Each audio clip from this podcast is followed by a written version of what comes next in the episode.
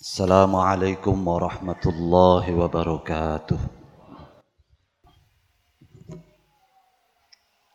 الحمد لله حمدا يوافي نعمه ويكافئ مزيده. غافر الذنب وقابل التوب شديد العقاب ذي الطول لا إله إلا هو وإليه المصير. ذلكم الله ربكم فتبارك الله رب العالمين. هو الحي لا إله إلا هو فدعوه مخلصين له الدين. ونشهد أن لا إله إلا الله وحده لا شريك له. ونشهد أن محمدا عبده ورسوله. ونصلي ونسلم على سيدنا محمد وعلى آله وصحبه وبقية الصالحين. صلاة وسلاما عدد خلقه ومداد كلماته ورضاء نفسه. أما بعد فأوصيكم ونفسي بتقوى الله وأحثكم على طاعته. اتقوا الله فإنها وصية الله وصى بها الأولين والآخرين وما تفعلوا من خير يعلمه الله وتزودوا فإن خير الزاد التقوى وذروا ظاهر الإثم وباطنه إن الذين يكسبون الإثم سيجزون بما كانوا يقترفون أعوذ بالله من الشيطان الرجيم بسم الله الرحمن الرحيم يا أيها الذين آمنوا اتقوا الله حق تقاته ولا تموتن إلا وأنتم مسلمون Ma'asyiral muslimin rahimakumullah Marilah kita mengupayakan untuk senantiasa bertakwa kepada Allah dengan sebenar-benarnya takwa. Marilah kita mengindahkan wasiat pesan para pendahulu kita yang berpesan untuk bertakwa baik dalam keadaan sepi ataupun keramaian dalam kondisi nyaman maupun sulit dan dalam kondisi apa pun. Sebagai seorang hamba menjalankan perintah Allah serta menjauhi larangannya adalah kewajiban dalam hidup ini yang harus dilaksanakan dengan semaksimal mungkin.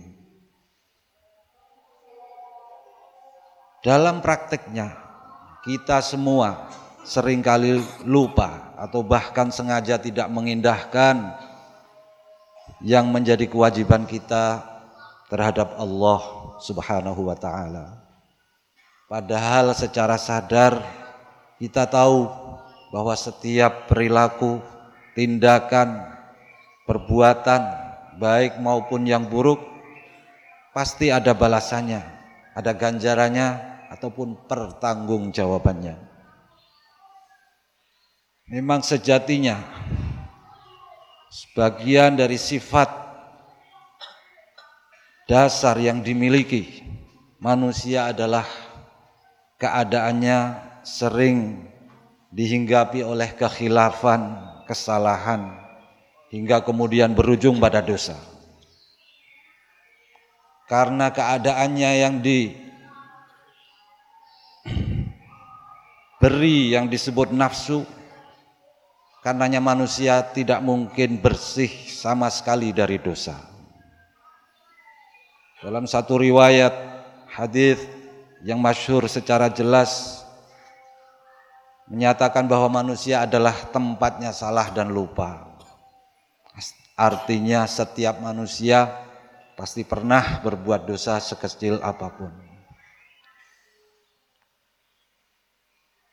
Yang kemudian perlu untuk kita sampaikan adalah bahwa di antaranya melihat atau mengalami kondisi yang seperti itu, maka yang paling baik itu adalah yang perlu dilakukan adalah caranya kita bersikap.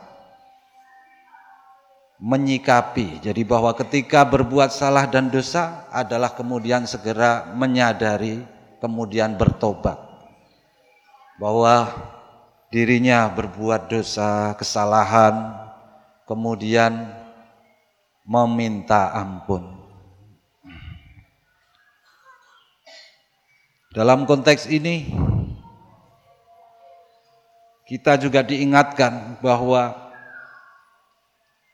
Allah yang Maha Rahman Rahim sungguhlah sangat agung untuk kemudian memberikan ampunan terhadap dosa-dosa hambanya.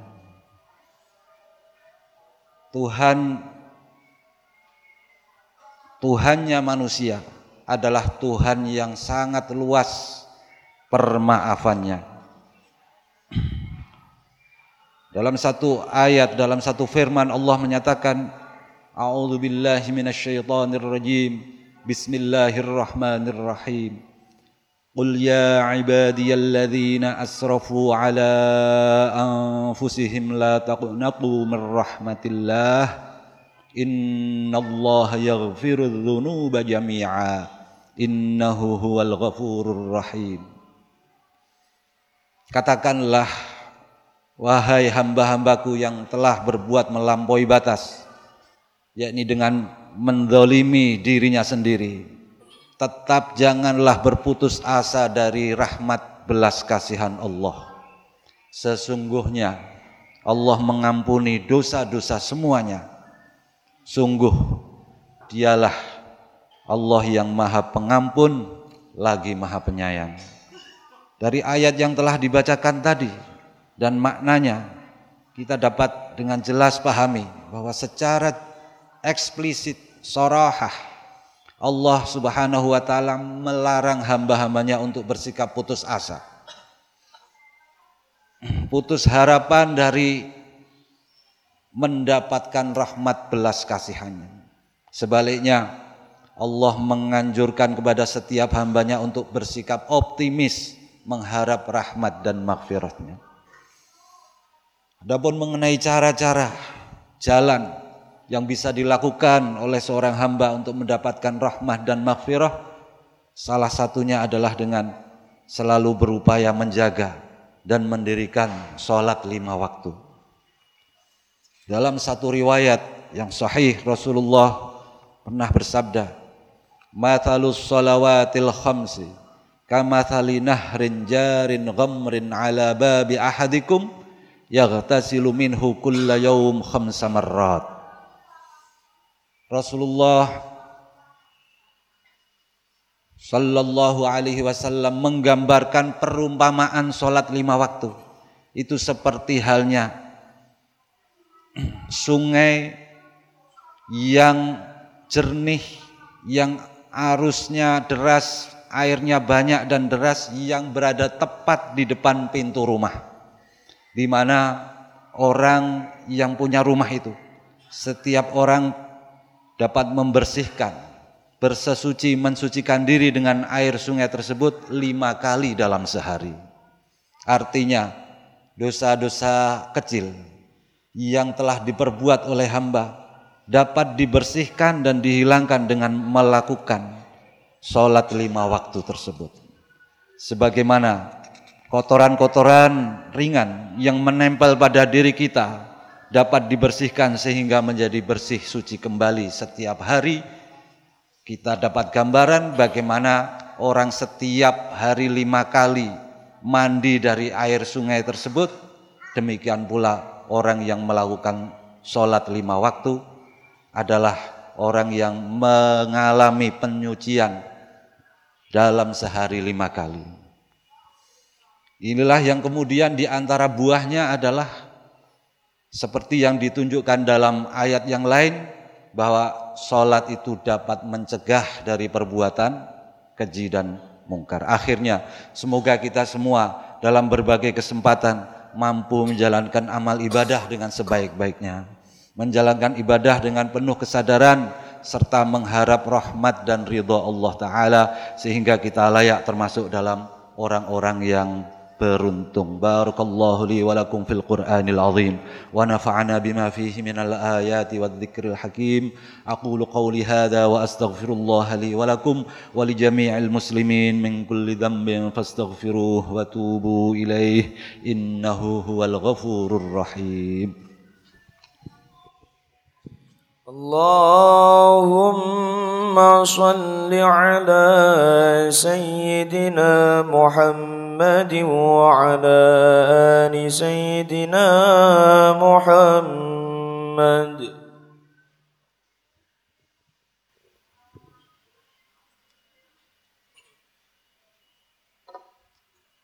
الحمد لله على إحسانه والشكر له على توفيقه وتدبيره. وأشهد أن لا إله إلا الله وحده لا شريك له وأشهد أن سيدنا محمدا عبده ورسوله. اللهم صل على سيدنا محمد وعلى آله وأصحابه وسلم تسليما كثيرا. أما بعد فيا أيها الناس اتقوا الله فيما أمر وانتهوا عما نهى وزجر. واعلموا أن الله أمركم بأمر بدأ فيه بنفسه وثنى بملائكته بقدسه وثلث بكم معاشر المسلمين فقال تعالى أعوذ بالله من الشيطان الرجيم بسم الله الرحمن الرحيم إن الله وملائكته يصلون على النبي يا أيها الذين آمنوا صلوا عليه وسلموا تسليما اللهم صل على سيدنا محمد وعلى آل سيدنا محمد وعلى سائر الأنبياء والمرسلين والملائكة المقربين وارض اللهم عن الخلفاء الراشدين أبي بكر وعمر وعثمان وعلي وعن بقية الصحابة والتابعين وتابع التابعين لهم بإحسان إلى يوم الدين وارض عنا معهم وفيهم برحمتك يا أرحم الراحمين اللهم اغفر للمؤمنين والمؤمنات والمسلمين والمسلمات الأحياء منهم والأموات اللهم أعز الإسلام والمسلمين وأذل الشرك والمشركين وانصر عبادك الموحدين وأعل كلماتك إلى يوم الدين.